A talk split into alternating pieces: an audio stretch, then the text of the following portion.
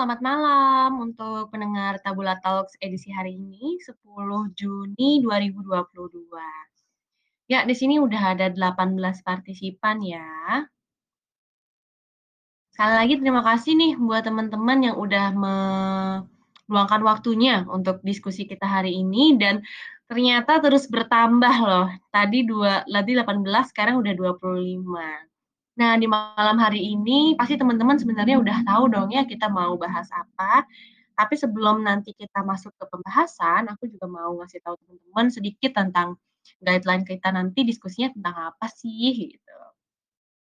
Oke, aku mau menyapa lagi buat teman-teman uh, yang hadir, yang baru hadir juga, yang baru join, silakan bisa ke kolom komentar teman-teman dan berkenalan di sana. Kira-kira teman-teman di sini itu udah pada kenal belum ya sama self love gitu dan mungkin aja pernah melakukan self love gitu. Kalau kalau self love versi teman-teman sendiri itu kayak gimana sih? Nah, teman-teman bisa banget isi di kolom kenalan gitu biar makin dekat dan makin enak diskusi kita hari ini.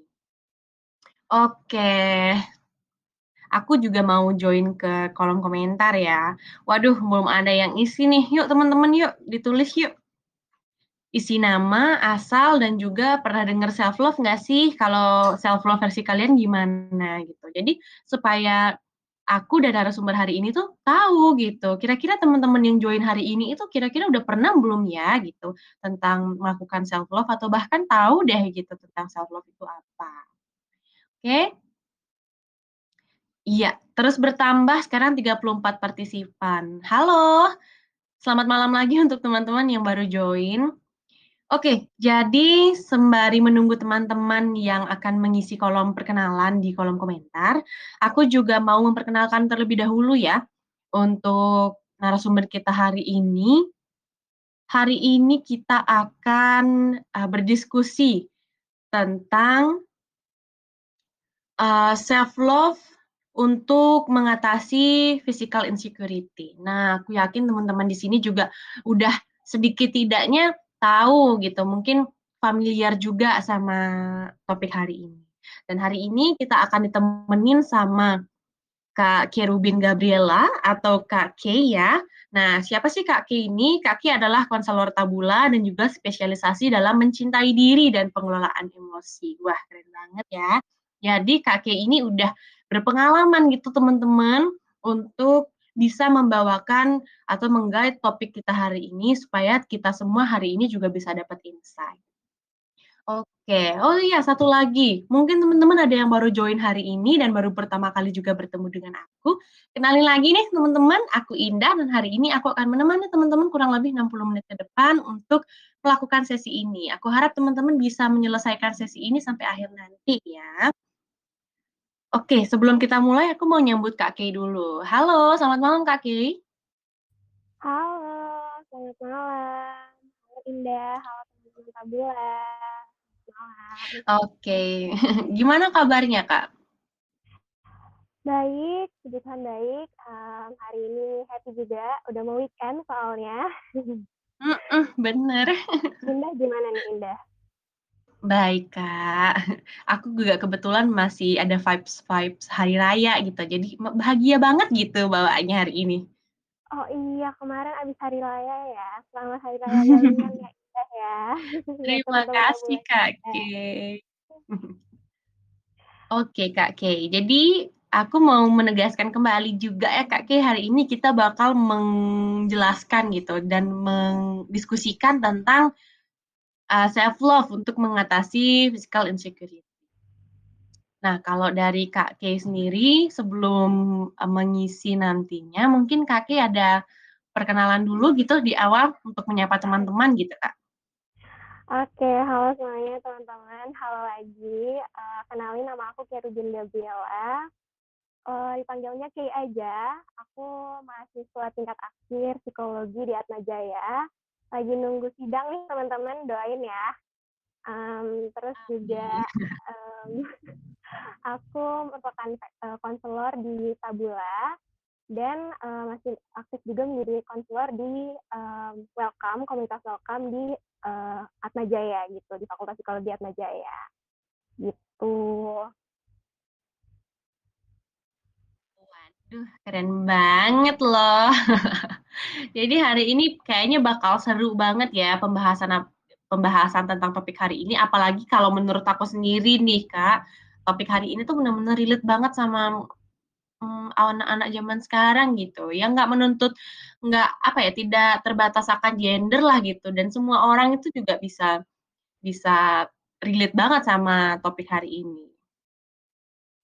Bener banget. Aku juga, mmm, sejauh ini maksudnya kayak aku juga pernah mengalami masalah yang serupa, dan mungkin sampai sekarang kalau aku boleh bilang belum bener-bener kayak bisa bener-bener self atau bener-bener bisa keluar dari physical insecurity aku gitu kali ya. Aku masih berproses juga sama physical insecurity aku gitu. Aku yakin mungkin Mmm. teman-teman di sini juga ada gitu ya, entar kita sambil sharing-sharing bareng juga boleh banget, kalau ada yang mirip-mirip mungkin sama aku pengalamannya gitu.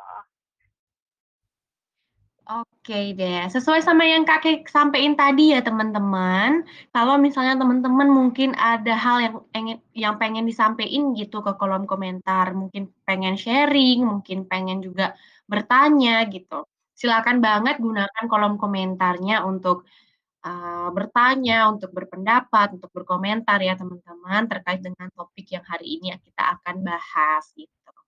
Nah, Kak Kay, ngomong-ngomong nih, eee, pengen dong denger pengalaman, eee, Kak Kay sendiri terkait dengan physical insecurity. Tadi juga Kak Kay kan sempat ada sampein kalau memang belum bener-bener bisa keluar juga gitu dari kondisi tersebut.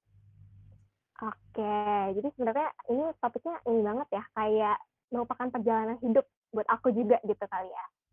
Soalnya, eee, jadi gini teman-teman, mungkin singkat cerita, aku tuh, eee, aku nari balet, tapi aku punya tubuh yang tidak seperti penari balet yang mungkin teman-teman bayangkan gitu ya. Aku nggak punya tubuh yang panjang-panjang, eee, tipis-tipis gitu, enggak. Aku tuh, eee, aku bisa dibilang cukup pendek, aku punya struktur badan yang, mmm, agak berisi gitu, terus punya bagian, eee, punya paha dan bagian pinggul yang cukup lebar gitu. Jadi kalau misalnya nari balet pakai baju yang ketat-ketat tuh kayaknya insecure banget gitu. Bahkan insecure-nya tuh sampai nggak cuma kalau lagi nari, tapi kalau misalnya dalam kehidupan sehari-hari juga gitu, cara, eee, cara aku memilih pakaian gitu. Sampai sekarang nih aku bener-bener kayak nggak berani untuk pakai baju-baju yang ketat-ketat banget, celana-celana yang ketat banget gitu tuh, kayak apa ya, belum percaya diri sepenuhnya gitu. Karena aku ngerasa kayaknya kok jadinya kelihatannya jelek ya gitu.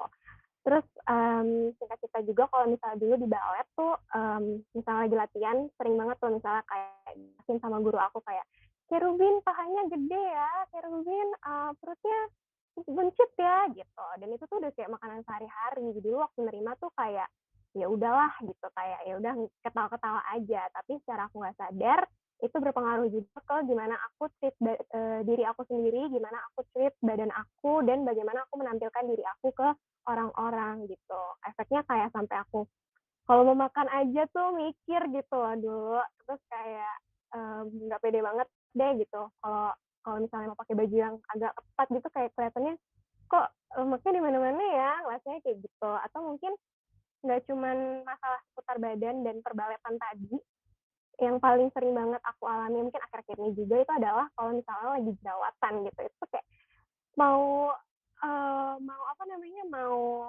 ngelihat orang, mau ketemu orang, mau keluar rumah tuh kayaknya males banget gitu. Kayak untung banget sekarang tuh bisa pakai masker ya teman-teman, jadi bisa ditutupin gitu. Nah, mmm, ini merupakan suatu proses gitu kayak gimana aku akhirnya bisa, mmm, cukup percaya diri gitu despite, mmm, nggak apa ya, despite masalah aku sama tubuhku, despite masalahku dengan mungkin nggak pedenya aku gitu, dan itu long process. Mungkin teman-teman di sini ada yang punya masalah yang mirip-mirip atau serupa, boleh banget teman-teman sambil di-share, siapa tahu kayak kita bisa saling-saling cerita gitu ya, saling bertukar cerita gitu. Aduh, ternyata prosesnya panjang banget ya, Kak, untuk sampai ada di titik ini gitu. Bener Nah, banget. kalau mhm, jadi tadi juga ada beberapa highlights yang penting banget yang kita dapetin dari Kak Kay, kayak ya memang ini adalah sebuah proses gitu. Sekarang gimana kitanya yang akan menanggapi, kitanya akan mengeluarkan respon gitu, memberikan respon atas apa yang terjadi itu seperti apa, itu sih yang jadi poin pentingnya gitu. Kalau dari mhm, kalau dari aku sendiri sih kayaknya ya mungkin aja semua, eee, orang itu pernah ada di posisi seperti itu, gitu. Kalau aku sendiri juga pernah ya mungkin memang, mmm, masih serupa tapi tak sama ya, Kak, Kei. Kalau aku juga Mhm punya mhm. punya badan yang cukup mudah cukup elastis, Kak, cukup mudah untuk melebar. Jadi aduh, itu tuh kayak berasa nafas aja tuh makin lebar gitu, pusing nggak tuh. Jadi kayak kadang emang ada fase-fase di mana kalau aku itu rilis stresnya dengan makan, tapi dengan makan yang banyak juga itu malah bikin aku stres lagi gitu. Jadi mhm, agak Mhm. bingung ya, gitu.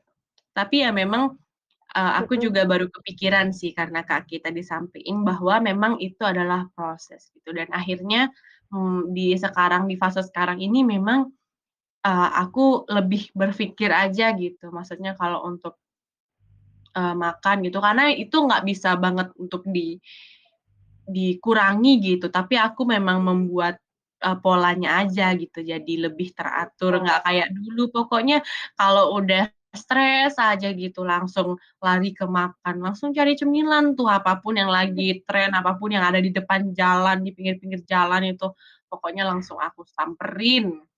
Temen-temen mungkin ada yang sama kayak aku, hmm, bisa sampein ya di kolom komentar karena Iya. makan itu enak, enak banget. Mhm, bener ya, makan tuh enak, happy lagi ya, tapi di satu sisi kalau berlebihan mungkin juga nggak baik gitu ya buat kita, ya nggak sih, Dinda? bener bener. Heeh, bener banget. Nah, mmm, sambil aku nunggu, eee, teman-teman yang lain share nih, mungkin aku pengen share juga Mhm. kali ya, Dinda, mmm, pengalaman aku ketemu beberapa klien yang memang punya pengalaman mirip-mirip nih, gitu. Karena aku ngerasa insight-nya banyak banget dan kayak aku rasa bisa dibagi ke teman-teman, gitu. Jadi, mmm, aku pernah juga nih, mmm, bertemu dengan beberapa klien gitu, selama melayani di Tabula dan juga, eee, di sebagai peer counselor di Welcome yang tadi aku ceritakan, mmm, pernah nih ketemu beberapa orang klien yang punya masalah mirip-mirip gitu. Nah, salah satu masalah yang menurut aku salah satu kasus yang menurut aku paling membekas, paling aku ingat, itu adalah dengan salah satu klien aku gitu. Dia ceritanya waktu itu datang dengan keadaan merasa nggak percaya diri, merasa udah, apa ya, udah berharga, merasa udah, apa ya, kayak, "Kayaknya gue udah nggak pantes deh ada di dunia ini," gitu. Setelah dikorek-korek, ternyata dia merasa nggak percaya diri sama tubuhnya sendiri, gitu. Kenapa? Karena menurut dia, sejak kecil memang dia dilahirkan dengan tubuh yang mungkin, eee, cukup gemuk gitu, tapi, eee, orang tuanya juga sering banget komplain gitu, kayak orang tuanya sering banget bilang, "Kamu gendut ya, Dek, kamu kurusin lah," gitu. Istilahnya kayak orang tuanya kasih komentar-komentar negatif lah ke si, klienku ini, gitu. Pada akhirnya pas dia udah mulai, mmm, dewasa gitu, dia mulailah kayak, eee, exercise dan segala macemnya, tapi dia melakukan exercise-nya secara berlebihan. Jadi, mungkin awal-awal dia senang gitu, dia merasa dia mencintai dirinya dengan exercise gitu, tapi, eee, lama-lama berlebihan sampai-sampai dia cedera dan dia nggak bisa olahraga lagi. Kemudian, mmm, pas dia udah berhenti olahraga, dia merasa badan dia balik lagi nih kayak dulu gitu. Dan gara-gara itu dia jadi mulai nih ngerasa yang kayaknya gue, "Kok gue kayaknya nggak pantes ya? Kok gue kayaknya, eee, buruk banget ya di antara orang-orang? Kok gue kayaknya jelek banget ya?" Dan segala macemnya gitu. Itu proses yang panjang banget yang dilalui sama klienku ini dan, mmm, waktu itu juga, mmm, dia sampai nggak mau ketemu sama teman-temannya, dia ngerasa takut kalau eee, ketemu sama teman-temannya nanti dikasih komentar yang negatif terhadap tubuhnya. Dia nggak percaya diri untuk ketemu orang-orang, nggak percaya diri untuk ketemu orang-orang baru juga, gitu. So, it was just, apa ya, kayak cerita yang sangat-sangat menurut aku, mmm, proses yang sangat-sangat panjang gitu untuk akhirnya aku bisa sama dia sama-sama mendiskusikan gimana caranya supaya kita nggak supaya dia, eee, supaya dia bisa keluar dari masalahnya juga, dia bisa, mmm, apa ya, kayak dapetin kepercayaan diri dia lagi, dia berani untuk ketemu orang lagi, gitu. So, mmm, Oke, aduh terima kasih banyak ini sharing-sharing-nya Kak Kay, ternyata juga memang ada beberapa klien gitu yang memang cukup serius gitu ya Kak, terkait dengan masalah, eee, topik seperti topik hari ini gitu, yang relate dengan topik hari ini. Dan memang aku juga menyadari bahwa setiap orang pasti kan punya mekanismenya sendiri-sendiri gitu. Jadi ada mekanisme dia untuk, menek mekanisme penerimaan dirinya, juga ada mungkin, eee, mekanisme untuk dia belajar gitu. Jadi juga bisa berbeda-beda setiap orang, mungkin itu juga salah satu yang bisa membantu, eee, teman-teman itu mungkin melewati atau bahkan bisa stuck di fase insecure ini gitu. Nah kalau dari Kak Kay sendiri, menurut Kak Kay itu bentuk-bentuk insecure itu kayak gimana sih Kak? Apakah terbatas hanya pada fisik gitu? Memang sih hari ini kita membahas tentang fisik eee, fisik physical insecurity gitu, tapi apakah hanya terbatas pada itu aja Kak? Atau mungkin memang ada klien Kakak yang pernah mengalami hal di luar, insecurities terhadap diri eh, terhadap fisiknya gitu? Oke. Sebenarnya kalau berbicara tentang insecure-nya sendiri ada banyak ya pastinya, nggak cuma tentang tubuh aja, tapi banyak banget misalnya, mmm, insecure dalam hal pekerjaan, dalam hal pencapaian diri, seperti mungkin yang teman-teman kalau ikut minggu lalu Tabula Talks-nya kayaknya dibahas nih gitu. Mmm, tentang, eee, mungkin prestasi, banyak banget insecurity itu sebenarnya banyak banget, nggak cuman terbatas pada fisik aja gitu. Mmm, tapi memang kalau berbicara secara insecurity secara fisik, itu tuh nggak terbatas juga di masalah, mmm, seberapa besar atau kecilnya tubuh kita, tapi juga mungkin kayak masalah bagaimana kita merasa, mmm, secara mungkin dari wajah, kita merasa, "Kok kayaknya gue kurang ini ya, kurang hidung gue kurang mancung ya," atau apa gitu misalnya. Terus atau misalnya merasa warna kulit, "Oh kayaknya yang itu lebih cerah ya daripada gue," gitu. Atau misalnya, mmm, tinggi badan gitu, kayak misalnya, "Kok, mmm, dia tinggi banget ya," atau merasa insecure karena, "Aku terlalu tinggi ya," gitu, ada juga. Sebenarnya eee, insecurity itu ada banyak banget, terutama untuk physical eee, maksudnya untuk in physical insecurity itu ada banyak banget macamnya gitu dan, mmm, justru aku rasa ketika kita punya insecurity, kita perlu pertama-tama untuk menyadari dulu nih apa yang menjadi insecurity kita itu gitu. Kita perlu akui dulu, kita memang punya masalah dengan bagian tubuh kita ini gitu. Nggak perlu yang kayak diakui terus di-announce ke orang-orang gitu, enggak. Ya maksudnya kita akui untuk diri kita sendiri. Kenapa? Karena dengan itu justru kita akan belajar untuk mengenal diri kita. Mmm, belajar mengenal, belajar mencintai juga, eee, belajar untuk memproses itu juga gitu, supaya ke depannya itu nggak jadi semakin buruk, nggak jadi semakin menghambat kita, tapi justru jadi apa ya, jadi titik di mana kita bisa berkembang ke arah yang lebih baik juga gitu. Oke, iya sekali lagi teman-teman di sini banyak banget poin yang bisa kita highlights dan juga memang poin-poin penting gitu ya dari penyampaian Kak Kay tadi terkait dengan eee, insecurity gitu. Nah kalau yang aku tadi tangkep itu poin yang penting itu yang pertama kali kita harus sadari bahwa kita ya harus sadar dulu gitu terhadap diri kita, baru Betul. kita bisa melewati fase mengerti, fase menerima. Ketika kita nggak sadar akan posisi kita, ketika kita nggak sadar akan diri kita, itu membuat kita lebih sulit untuk menerima gitu. Karena ya yang kita sadari mungkin keberadaan, eee, orang-orang di sekitar kita dan juga sama kayak yang aku bisa tarik benang merah gitu dari yang teman-teman sampein kayak Kak Vanisya bilang kalau misalnya insecure-nya Kak Vanisya itu dalam pencapaian gitu, seperti temennya kuliah itu sibuk daftar organisasi, sibuk kegiatan organisasi, dan lain-lain. Tapi tidak hanya dalam pencapaian saja Kak, gitu. Terus ditambah lagi sama Kak Fitria, pernah apalagi kalau ditambah bumbu membandingkan diri ya, pasti tambah insecure.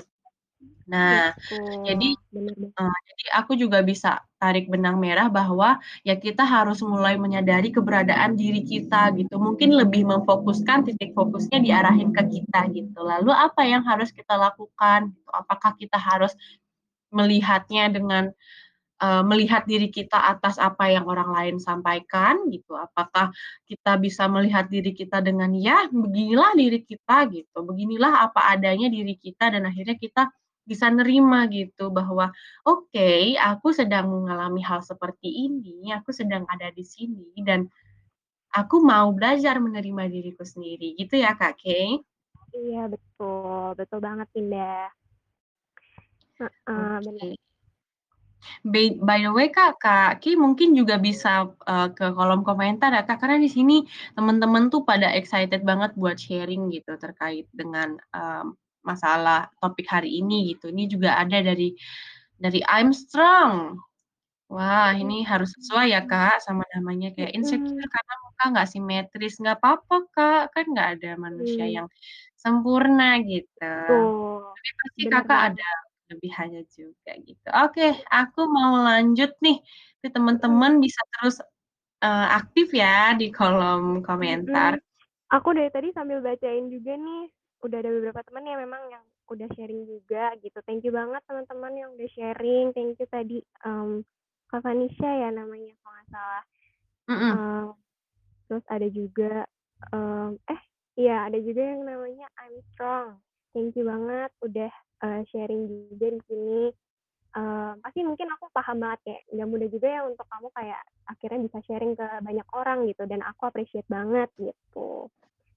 Iya, aku juga setuju gitu, karena nggak semua orang semudah itu untuk bilang ke orang bahwa, "Aku sedang merasa ini loh, aku ngerasa ini loh." Apalagi itu terkait dengan perasaan-perasaan yang mungkin mengarah ke, eee, lebih ke kekurangan gitu. Dan temen-temen di sini tuh berani banget, hebat banget gitu bisa cerita bahwa Hebat. memang menyadari bahwa ada sesuatu yang sedang dirasakan terkait dengan perasaan insecure gitu. Heeh, betul, dan itu nggak gampang dan maksudnya untuk sampai di titik hari ini, artinya, mmm, apa ya, kamu sudah melakukan hal yang baik untuk dirimu gitu. Thank you so much yang Thank you semuanya, hebat hebat hebat. Oke, aku Iya. mau lanjut ke kira-kira ada nggak sih kayak, eee, dari Kak Kay sendiri deh dulu, ada nggak sih kayak dampak dari insecure yang Kakak rasain gitu, Kak? Oke. Sebenarnya kalau berbicara tentang dampak dari insecure-nya ini, banyak ya, bisa ke mana-mana juga gitu. Bisa mengga eee, bisa mengganggu ke bagaimana kita berani atau nggak beraninya menunjukkan diri kita, bagaimana kita bisa percaya diri atau nggak percaya diri kalau kita harus ketemu orang, atau bahkan bisa bisa banget berpengaruh ke gimana caranya kita bersosialisasi sama orang. Kadang kalau kita ngerasa insecure sama badan gitu ya, rasanya bener-bener kayak mau ketemu orang tuh bukan males lagi, tapi takut gitu rasanya. Kayak takut entar di-judge nggak ya? Entar ini nggak ya? Gitu.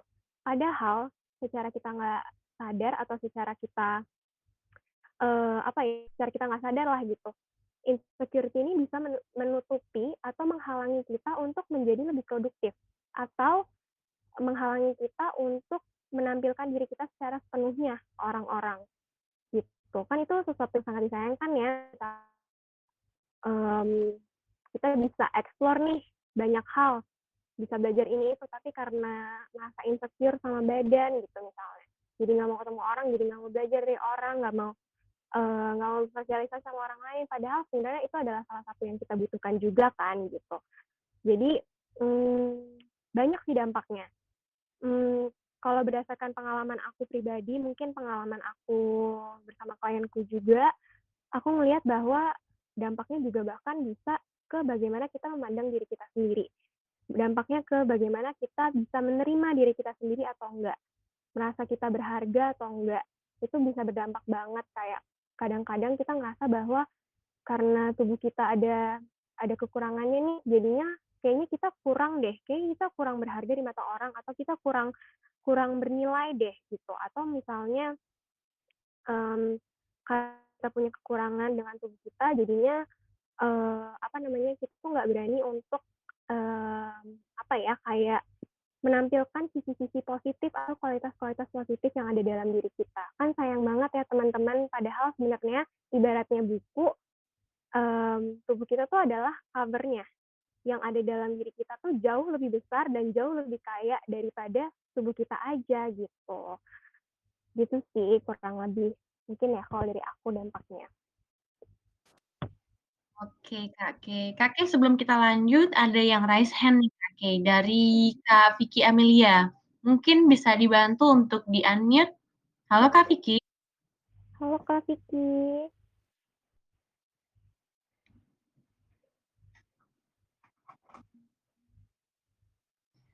Halo, Kak Iya. Vicky. Kak Vicky sudah bisa akses untuk unmute, Kak? Apa Kak Vicky mau berbicara? Atau teman-teman deh di sini, ada nggak yang pengen sharing langsung gitu, via voice chat? Oh, halo Kak Vicky, selamat malam. Iya, malam. Aku nggak enak tadi lagi padahal lagi ngobrol juga yang satunya. Nggak Mhm. apa-apa. Gimana nih Kak Vicky, kenapa? Mungkin ada yang ingin di-share? Eee, enggak, ini kan mengenai apa, eee, physical insecurity gitu ya, Kak, ya. Kalau Mhm. kalau kayak kategori gini loh, eee, aku kan, eee, ngajar gitu di sekolah. Kayak Mhm. aku tuh kadang ngerasa suka insecure sama diri sendiri itu, kayak misalnya Mhm. atasan, "Kok sama dia gini ya, kok sama aku beda?" Gitu. Sering ngerasa gitu, itu kenapa ya? Apa apa cuma perasaan, apa emang bener, eee, sikapnya yang beda atau gimana ya, Kak? Oke, jadi maksudnya mungkin ini Kakak merasa atasannya memperlakukan, mmm, Kak Vicky dengan, eee, rekan-rekan Kak Vicky yang lain tuh berbeda gitu ya? Heeh, perasaannya sih gitu gitu, kayak kayak ngerasa kok gini ya, enggak enggak ke atasan aja, ke ke siapa-siapa gitu kayaknya ngerasa, eee, sensitifnya tuh kayak gitu gitu, kadang suka ngerasa kayak gitu. Oke. Kayak terus kayak kalau misalnya mau ngelakuin suatu hal gitu, berpikirnya tuh sampai berapa kali menimbang-nimbang kalau kalau ngelakuin ini nanti kata orang gimana ya, terus kalau misalnya nggak gini entar takut gini juga, gitu loh. Mmm, oke. Jadi maksudnya kayak jadi banyak ragunya gitu ya, Kak, karena takutnya apa yang dilakukan tuh belum tepat gitu. Heeh, Oke. gitu. Jadi kayak orang banyak takutnya gitu. Apa karena aku kan kayak apa, kayak ada anxie anxiety gitu ya, apa ngaruh dari anxiety-nya atau gimana ya? Oke. Mmm, aku kur maksudnya aku eee, cukup mendapatkan gambaran sih, maksudnya dengan yang Kak Vicky ceritakan. Tapi, eee, aku juga nggak bisa memastikan nih apakah benar-benar kayak, mmm, atasannya Kak Vicky ini memang benar-benar kayak memperlakukan seperti itu atau enggak. Tapi, satu hal yang mungkin aku tangkap atau mungkin pengen aku tekankan gitu ya, mmm, aku percaya pasti Kak Vicky punya sesuatu yang sesuatu yang lebih dari dari orang-orang lain, dari rekan-rekan Kak Vicky juga. Dan sebenarnya, mmm, apa ya, kadang-kadang kalau kita ngerasa nggak percaya diri atau kadang-kadang kalau kita ngerasa, mmm, takut atau cemas untuk ngelakuin sesuatu, justru di situ, eee, outcome dari apa ya, hasil dari apa yang kita lakukan tuh justru akan ngefek gitu, kelihatan gitu. Jadi, mmm, mungkin bisa ini kali Kak, kayak apa ya, mmm, ketika ketika merasa apa ya, merasa insecure atau merasa, mmm, takut gitu ya untuk, eee, melakukan sesuatu mungkin bisa sambil kayak mencoba untuk kayak, kira-kira nih kalau gue melakukan yang terbaik dari diri gue tuh gimana, bisa nggak ya kalau dari diri gue udah terbaik gitu. Jangan pernah takut kalau misalnya Kak Vicky udah pernah eh, kalau udah, eee, melakukan yang terbaik dari diri Kak Vicky gitu. Kalau misalnya mungkin memang ada hal yang kurang, berarti itu adalah sesuatu tanda bahwa ada sesuatu yang bisa diperbaiki atau ada sesuatu yang bisa di di-improve lagi gitu, justru akan memperkaya diri Kak Vicky juga gitu. Semoga menjawab ya. Oke, makasih ya, Kak. Iya. Oke. Oke, semoga menjawab ya Kak Vicky, kalau memang nanti, eee, setelah ini juga masih ada hal yang ingin di-sharing, silakan banget Kak Vicky, kita masih open sampai beberapa sampai masih lama lah Kak Vicky, Iya. Banyak hal yang kamu sharing malam ini. Aku Oke, sambil jadi baca ak mhm. Baca-bacain juga nih ada banyak yang menarik ya, dari Kak Grady nih katanya, mmm, sharing sedikit tentang, eee, insecurity yang pernah dialami karena waktu itu pernah pendidikan semi militer gitu. Dan seneng banget karena dengar sharing-nya Kak Grady karena, eee, Kak Grady juga masih berproses sampai sekarang, tapi to the point bahwa Kak Grady masih berproses sampai sekarang ini, itu udah suatu hal yang baik loh, gitu. Nah, Iya. mmm Banget, aku juga tadi maunya bacain loh Kak K, terima kasih banyak Kak K sudah dibaca. Ini memang Iya. teman-teman aku sangat apresiasi gitu ya, eee, bahwa teman-teman Mhm. sekali lagi berani untuk speak up atas apa yang terjadi, apa yang disadari sedang dialami oleh tubuhnya gitu. Nah, kita Mhm. mulai masuk ke self love-nya lagi aja ya Kak. Sebenarnya tadi sebelum itu sebenarnya tadi ada loh yang yang raise hand, tapi tiba-tiba aku cari lagi namanya, wah hilang dia. Mungkin mhm, Nggak apa-apa nanti mungkin mungkin ya. memang heeh. Mhm. Oke teman-teman mungkin nanti kalau memang masih ada yang mau sharing lagi dipersilakan banget, raise hand di sini juga dipersilakan banget ya teman-teman, nggak usah malu-malu sharing di sini, kita juga sama-sama belajar nih gitu. Jadi kita juga bisa Mmm. dapat insight yang sama, eee, dari teman-teman semua gitu. Nah Kak, ngomong-ngomong nih Kak K soal self love gitu, kalau self love, eee, versinya Kak K itu ada 1 atau ada banyak sih Kak? Oke. Kalau boleh tahu nih. Self love yang aku lakuin ya, mungkin sebenarnya banyak sih. Tapi, eee, yang pengen aku share hari ini, eee, aku pengen share tentang bagaimana mencintai diri, mencintai tubuh, menci mencintai tubuh nggak cuma, eee, gimana kita bisa positif sama tubuh kita, tapi di sisi lain juga bisa mendengarkan kebutuhan tubuh kita gitu. Maksudnya gimana, jadi gini, teman-teman pasti di sini pernah ya mendengar kayak campaign body positivity di sana dan di sini gitu kan banyak ya kalau di sosial media gitu. Nah itu nggak salah sebenarnya, itu adalah, eee, itu campaign yang baik sebenarnya, kayak kita memang benar kita perlu untuk, eee, mencintai diri kita, kita un perlu untuk menerima, memandang secara positif tubuh kita dan diri kita. Tapi di sisi lain kadang-kadang kalau kita eee, kita jadi menutup mata dan menu menutup telinga, karena kita udah saking cintanya sama diri kita, sama tubuh kita, itu juga menjadi hal yang sebenarnya, mmm, bahaya gitu ya, dalam tanda kutip "bahaya" buat diri kita. Kenapa? Misalnya gini, let's say, aku merasa insecure karena aku punya tubuh yang misalnya gemuk, terus aku bilang ke diriku kayak, "Enggak lah, aku mau positif sama diriku, aku mau menerima nih keadaannya gimana pun itu." Tapi kayak aku merasa kayak, "Ya udah aku gemuk nggak apa-apa, eee, aku tetap sayang kok sama tubuh aku, aku tetap, eee, cinta kok sama tubuh aku," gitu. Tapi di sisi lain bisa jadi tubuh aku, insecurity yang aku rasain itu juga pengen menyampaikan suatu signal atau suatu tanda gitu, kayaknya ada yang perlu kamu perbaiki deh dari tubuh kamu atau perlu kamu perbaiki dari dari diri kamu gitu. Contohnya gimana, misalnya mungkin bisa jadi dengan kayak gitu aku perlu, eee, ngurusin badan, kenapa? Karena aku ngerasa aku udah nggak fit lagi, aku udah kalau bergerak sulit misalnya, aku jadi cepet capek gitu. Atau misalnya contoh lain, aku ngerasa insecure karena misalnya wajah aku jerawatan gitu. Terus, eee, kalau aku cuman kayak bukan cuman sih, maksudnya kayak, eee, kalau aku self love dengan diri aku, aku pasti akan menerima dan itu bukan hal yang salah, karena karena memang kita butuh untuk belajar menerima gimana pun keadaannya tubuh kita. Tapi di sisi lain kalau misalnya, eee, cuma kayak, mmm, positif aja gitu ya, misalnya kayak, eee, "Iya nggak apa-apa gue jerawatan, iya nggak apa-apa gue gini," gitu. Tanpa mendengarkan apa yang mau tubuh kita sampaikan. Mungkin ada sesuatu yang perlu kita dengarkan, ada yang perlu sesuatu yang kita perbaiki untuk sekarang ini supaya kita lebih sehat atau ke depannya lebih sehat lagi. Mungkin dengan caranya wajah aku jerawatan, dia tubuh aku mau bilang, "Kayaknya lo jangan begadang mulu deh Kay, lo jangan makan yang nggak sehat terus deh Kay, lo kayaknya perlu memperbaiki pola hidup deh," gitu.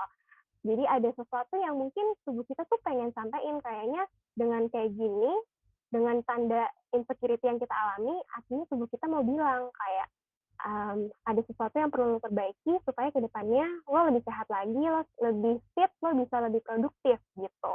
Tapi di sisi lain tetap perlu didampingi dengan rasa positif terhadap tubuh kita gitu, rasa menerima keadaan tubuh kita gitu. Nah, nah sambil sambil berusaha untuk memperbaiki gitu ya, di sisi lain memang kalau kita di sisi lain kalau memang kita memperbaiki keadaan tubuh kita gitu ya, mungkin ada sesuatu yang kita perbaiki polanya, pola hidup dan segala macamnya, itu tuh udah salah satu bentuk self love juga gitu. Kita mendengarkan apa yang dibutuhkan sama tubuh kita. Kan love nggak selamanya memang bentuknya kayak uh, apa ya, kayak cuman kata-kata yang positif gitu ya. Tapi kadang-kadang love tuh juga bentuknya apa yang memang kita butuhkan gitu, mendapatkan atau memberikan yang kita butuhkan gitu.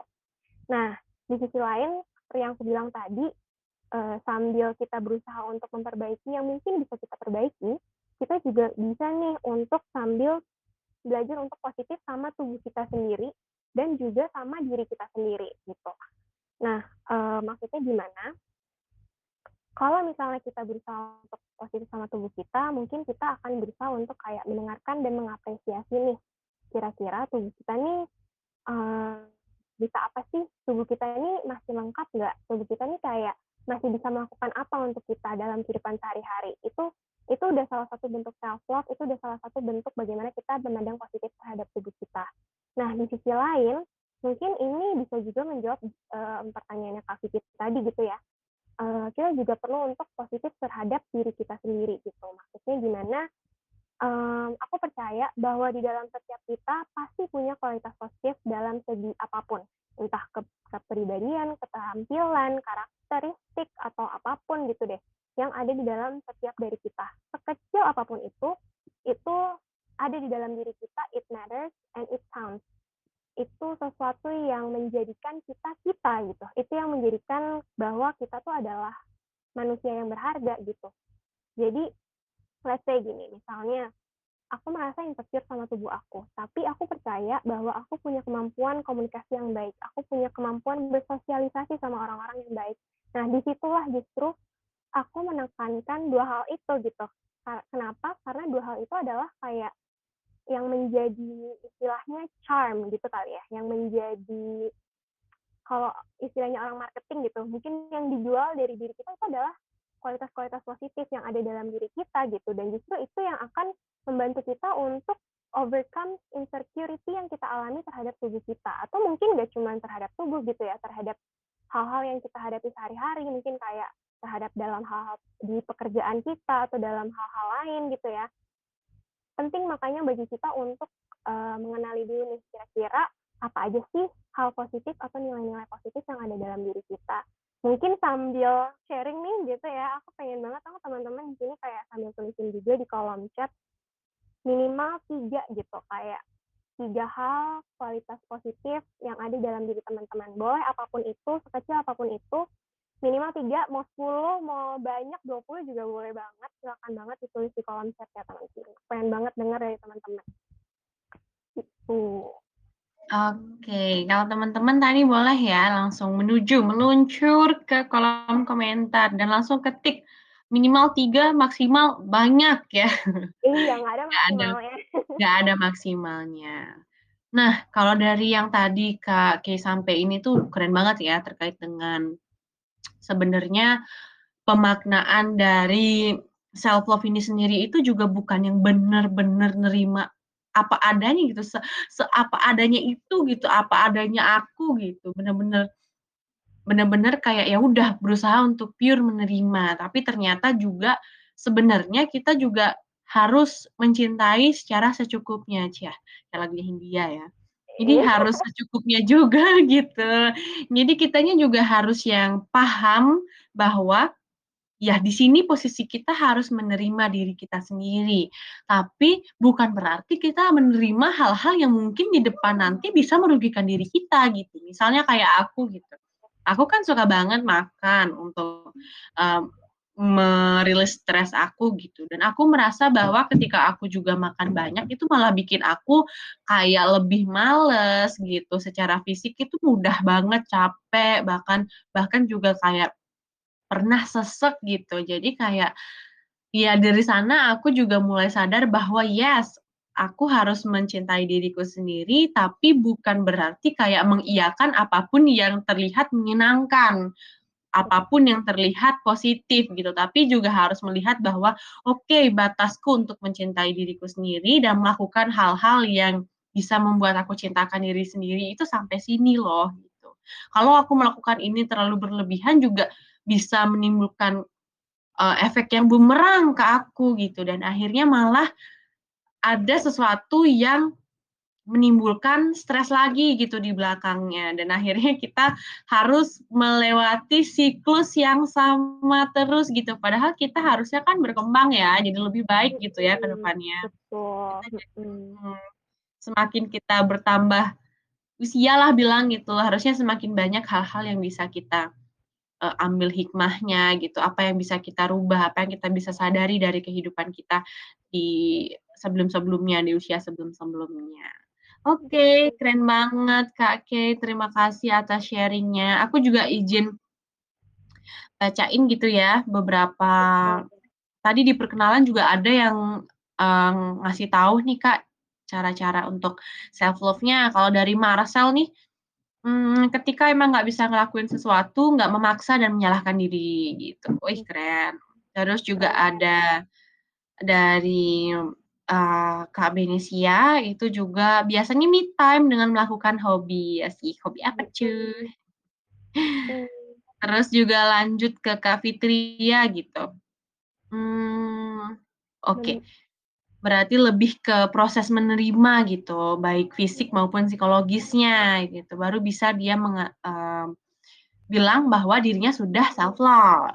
Oke, keren Kak Fitria. Selanjutnya ada Kak Elizabeth itu lebih ke me time juga. Kalau me time Kak Elizabeth ngapain nih? Maskeran kah? Masak kah? okay. Itu indah ya kayaknya.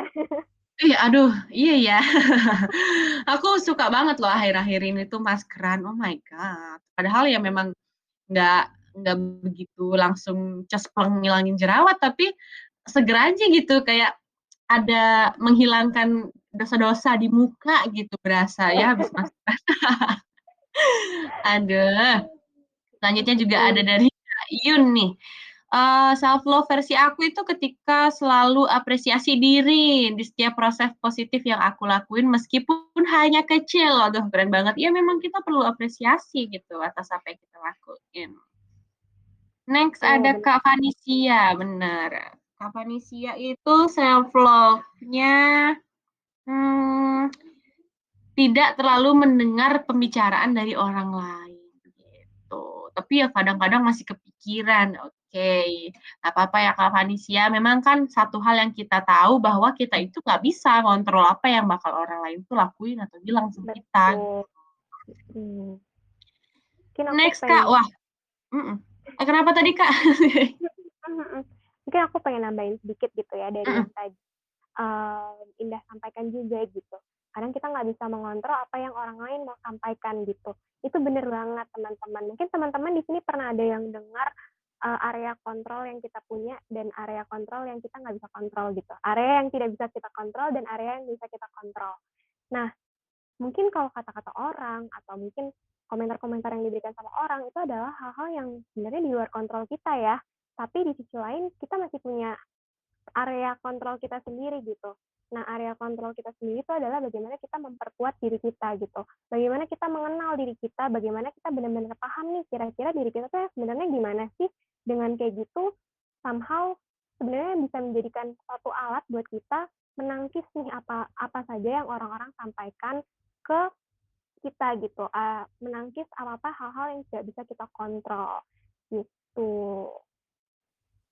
Ya, aku setuju lah, setuju banget sama apa yang tadi udah disampaikan sama Kak Kak, aku lanjut nih, aku mau bacain sampai akhir karena aku excited juga nih. Teman ternyata antusias gitu, hmm, terharu. Jadi antusias banget ngikutin uh, topik kita hari ini, diskusi tentang insecurity. Oke, lanjut tadi aku sampai mana ya? Sampai ke Vanisia ya? Iya. Iya. Aduh, maafkan aku yang agak-agak lupa ini. Lanjut kita ke Kak Mila. Jadi Kamila ini self love-nya itu adalah mengenal diri, kekurangan dan kelebihan. Jadi bisa bernama itu sama diri sendiri sehingga tidak mudah terpengaruh oleh orang lain dan berdampak ke mencintai orang lain. Aduh keren banget Kamila bahwa aku juga uh, ngerti ya kalau misalnya ya memang kita harus kenal dulu. Kita pertama sadar dulu baru kita bisa mengenal gitu. Baru nantinya dari ketika kita sudah kenal kita bisa menerima gitu. Nah, hmm. terus lanjut lagi dari Kak Alifa. Nah, Kak Alifa ini self love-nya itu uh, bisa ngertiin setiap keadaan diri aku dan ngapresiasi diri sendiri apa pun pencapaiannya. Oh, ini mirip juga ya tadi sama Kak Yuning. Oke, jadi ada memang ada beberapa juga orang yang punya cara untuk mencintai diri sendirinya dengan cara yang sama. Terus lanjut ke Kak Vika. Uh, Kak Vika ini self love-nya dengan me time, skincarean dan journaling. Waduh, Aduh. ini dia nih yang sama kayak aku, skincarean. Kan walaupun kadang-kadang menangis karena insecure tapi tetap harus uh, gini ya, harus berusaha glowing. Aduh, kawan banget sering. ya. Lalu terakhir nih Kak, ada dari Kak Rizky. Kak Rizky itu self love-nya itu menerima diri sendiri baik kelebihan maupun kekurangannya. Wow, keren-keren banget ya semua. Teman-teman mungkin ini tadi pertanyaan yang disampaikan sama Kak Kay mungkin ada yang mau raise hand langsung nih, sampaikan langsung karena di chat nih masih sepi. Teman-teman, halo. Memang ini mm -mm, mm -mm. sambil kan nih mungkin kayak sambil refleksikan juga kira-kira apa sih kualitas-kualitas positif yang ada dalam diri aku nih yang menjadikan apa ya menjadikan tameng gitu buat aku supaya aku bisa overcome insecurity yang aku alami gitu. Boleh ya boleh insecurity karena tubuh juga boleh insecurity karena apa pun itu gitu. Tapi bisa uh, tapi tiga kualitas-kualitas positif yang ada dalam diri teman-teman inilah yang menjadikan uh, apa ya menjadikan sesuatu yang bisa menutupi atau mungkin sesuatu yang bisa mengatasi gitu kali ya dari insecurity-nya. Gitu. Benar banget. Ini udah ada nih Minbul ini emang paling pertama pokoknya jawab deh Minbul nih itu. Minbul itu satu, Minbul murah senyum, iya ya. Jadi Minbul tuh perhatiin ya, setiap Minbul nulis tuh kalau nggak isi senyum langsung mana Minbul senyumnya gitu. Lalu yang kedua, Minbul suka semangatin orang sekitar, terutama teman tabula semua. Bener banget. Minbul nih paling aktif pokoknya. Ya pada pertanyaan yang muncul pertama nih Minbul nih. Terus yang terakhir, Minbul peduli sama orang-orang sekitar Minbul. Wow, so hmm. sweet. Dia suka perhatian ya, ya Minbul ya. Teman-teman yang lain, dari dari Kak Nadia juga lagi menyimak lagi menyimak aja dulu Kak. Oke, Kak Nadia. Mau sharing juga Kak sekalian nggak apa-apa loh di sini. Mungkin dari teman-teman yang sudah hadir nih 45 partisipan, mungkin ada yang mau menyampaikan langsung gitu, supaya langsung terdengar sama teman-teman yang hadir juga di sini.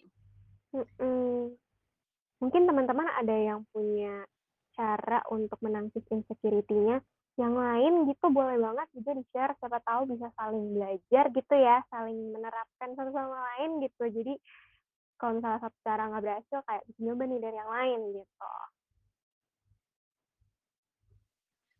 Hmm, kalau dari kakek sendiri mungkin kakek gimana? Uh, self love-nya nih maksudnya. Mm -mm, sesuai sama pertanyaan yang tadi. Oke. Okay. Self love-nya mungkin seperti yang tadi aku udah sampaikan juga dengan kayak gitu aku belajar untuk menerima diriku, belajar untuk uh, apa ya belajar untuk uh, memahami diriku dan mencintai diriku juga gitu dengan cara yang mungkin tadi aku udah sampaikan. Tapi di sisi lain kalau misalnya self love-nya nggak yang yang bentuknya kayak tadi gitu ya sehari-hari gitu mungkin misalnya simply dengan aku nonton film misalnya atau misalnya ngobrol sama orang ngobrol sama teman ngobrol sama orang tua juga mungkin um, terus juga uh, scrolling scrolling scrolling scrolling video yang lucu-lucu gitu misalnya itu juga udah salah satu bentuk self love aku gitu. Self love supaya aku terdistract lah mungkin dari um, apa ya, mungkin kayak stres yang lagi aku alamin gitu misalnya atau terus misalnya aku juga kayak Indah nih, uh, aku suka skincarean, suka maskeran juga Indah. Makanya bisa relate nih gitu. Ya mungkin kalau misalnya lagi butuh uh, me time, butuh relax gitu, aku akan cari waktu juga untuk uh, maskeran sebentar um, nggak ngapa-ngapain lah gitu, relax aja gitu. Atau mungkin sambil nonton juga sambil Netflix gitu, kayak gitu kurang lebih. Oke, kalau dari aku sendiri nih Kak Kay, kalau aku sih banyak ya sebenarnya gitu, karena aku suka banget suka banget melakukan, uh, banyak hal gitu. Jadi kalau aku sendiri tapi yang paling yang paling sering aku lakuin sekarang sih ya itu tetap makan, dimakan, terus juga skincare-an. Terus juga masak gitu ya, karena mungkin hobiku masak, jadi aku suka makan gitu, atau karena aku suka makan, maka aku belajar masak, aku juga lupa itu awalnya gimana. Tapi intinya dua itu juga bisa ngebantu aku gitu, untuk menjadi salah satu hal yang bisa bikin aku mencintai diri sendiri. Ketika aku Hmm. masak gitu, aku kayak ngerasa, "Wow, aku ternyata punya kelebihan ya," gitu. Mhm. Oh, boleh nih ya, Indah mungkin lain kali kalau ada tabulatok sambil dibagikan gitu makanan yang Indah masak. Kan seru kayaknya ya, jadi sambil tabulatok sambil nyemilin makanannya Indah gitu, ya nggak sih, Indah? Mmm, bener banget. Aduh. Oke deh, kalau memang dari temen-temen nih belum ada yang, eee, mau berpendapat lagi atau mau sharing lagi, mungkin aku bakal sama satu, eee, pertanyaan lagi. Kira-kira kalau dari Kak Kay, mungkin ada nggak sih kayak, mmm, self love yang mungkin eee, bisa dijadikan hal-hal yang patut untuk dicoba gitu? Maksudnya kayak self love apa sih yang mudah untuk dilakukan dan, oh ternyata itu juga termasuk ke self love gitu? Oke, self love yang kira-kira bisa diterapkan gitu ya.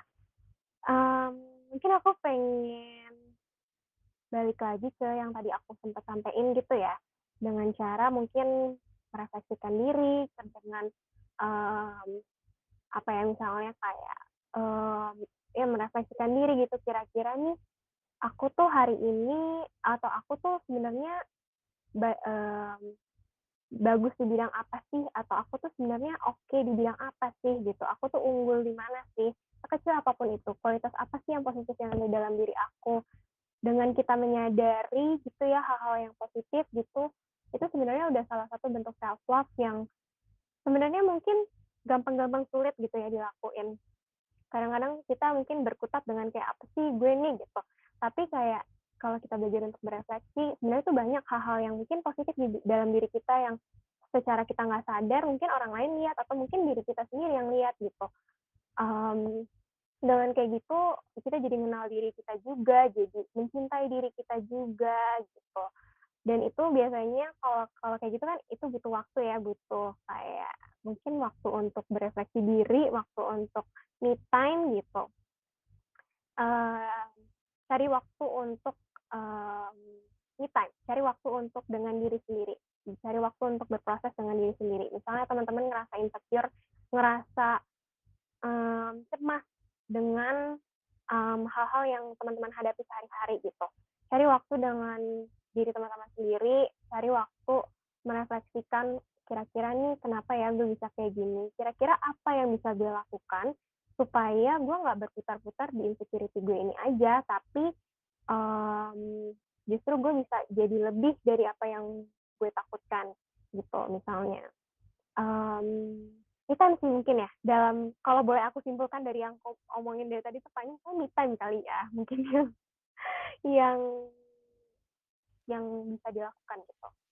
Me time untuk refleksi, me time untuk, um, me time untuk memproses segala segala sesuatu yang kita alami gitu, mungkin itu sih. Mmm, oke, Kak. Thank you lagi.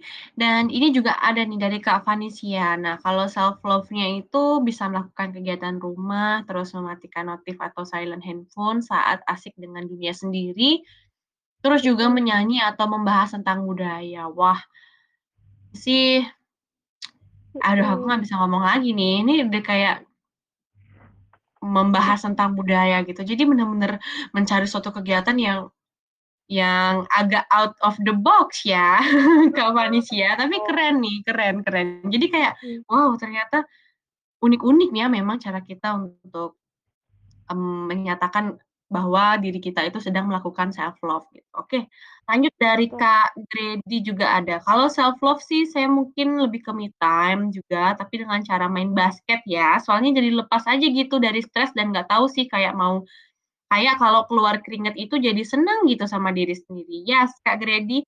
Jadi, kalau misalnya kita olahraga itu juga kita bisa menghasilkan hormon yang membuat diri kita bahagia. Jadi, Iya. mungkin memang itu juga yang membuat, eee, Kak Grady juga merasa lebih senang gitu sama diri sendiri karena proses olahraga yang Kak Grady lakuin itu ternyata menghasilkan sebuah hormon yang malah bikin, eee, mood itu lebih baik gitu dan akhirnya lebih bisa seneng gitu atau bahagia sama diri sendiri. Oke, terima kasih banyak atas partisipasi dari teman-teman dari awal dibuka sampai akhirnya sekarang udah sampai pada akhir sesi. Nah, mungkin kalau teman-teman yang tadi belum sempet sampein juga gitu ya, di kolom komentar apa yang teman-teman lakuin untuk self love, semoga teman-teman setelah ini jadi lebih mengetahui gitu, lebih paham diri sendiri seenggaknya lah bahwa apa sih yang diri sendiri teman-teman itu lakuin untuk melakukan proses cinta terhadap diri sendiri gitu dan akhirnya setelah ini pun teman-teman bisa lebih bisa self love ya pastinya sesuai dengan topik ini dan mungkin bisa membantu teman-teman mengurangi insecure bahwa memang setiap orang mungkin aja pernah ada di posisi ini, tapi ingat lagi teman-teman yang lebih penting adalah bagaimana proses kita untuk menanggapinya. Oke, sebelum kita akhiri mungkin Kak Kay ada kalimat penutup untuk pertemuan kita hari ini? Oke, mungkin aku pengen menyampaikan ke teman-teman terima kasih dulu gitu ya untuk teman-teman yang udah mau diskusi hari ini. Terus, eee, aku pengen menyampaikan juga bahwa, mmm, pasti setiap dari kita punya sesuatu yang kita rasa, mmm, kurang atau kita rasa membuat kita merasa insecure gitu. Tapi jangan pernah khawatir, jangan pernah eee, jangan khawatir maksudnya banyak banyak dari kita yang pasti punya insecurity-nya masing-masing gitu. Dan juga, eee, yang paling penting adalah untuk kita memperkuat kita memperkuat diri kita sendiri dulu. Mungkin orang di luar sana banyak yang akan menyampaikan gitu ya, bisa memberikan komentar negatif ini itu gitu, mungkin kita membandingkan diri kita juga dengan ini itu. Tapi di sisi lain kalau memang kita udah kuat dengan diri kita sendiri kuat dengan eee, kuat dengan apa ya, mungkin bagaimana kita mencintai diri kita, bagaimana kita mengenal diri kita juga, itu di situ adalah, mmm, apa ya, menjadi dasar gitu ya, menjadi titik di mana yang akan membantu kita untuk overcome masalah-masalah atau mungkin insecurity-insecurity yang akan kita hadapi dalam kehidupan gitu. Karena kayaknya insecurity tuh apa ya, kayak mungkin selesai satu, entar muncul lagi yang lain gitu, akan ada terus. Makanya penting buat kita untuk self love, cinta dengan diri kita dulu, kenal dengan diri kita dulu supaya, eee, kuat nih ke depannya gitu, kuat untuk menghadapi yang ada di depannya, gitu. Yeay, terima kasih Kak Kay atas kalimat penutupnya. Nah, sekali lagi aku ucapin buat Kak Kay juga ya, hari ini sudah bersedia untuk sharing dan pastinya aku mau mengucapkan terima kasih banyak buat teman-teman yang sudah hadir dan mengikuti acara ini sampai selesai dan teman-teman, sebelum aku akhiri, aku mau ngasih beberapa informasi yang penting banget buat teman-teman ketahui. Nah, yang pertama buat teman-teman itu yang mungkin sedang ada pada fase ya kembali lagi pada fase yang mungkin kayak topik hari ini gitu, mungkin fase insecure yang memerlukan bantuan gitu ke profesional atau mungkin punya per suatu permasalahan yang memang harus banget untuk, eee, pergi ke profesional. Jadi teman-teman nggak usah khawatir, di Tabula menyediakan, eee, konselor dengan profesional.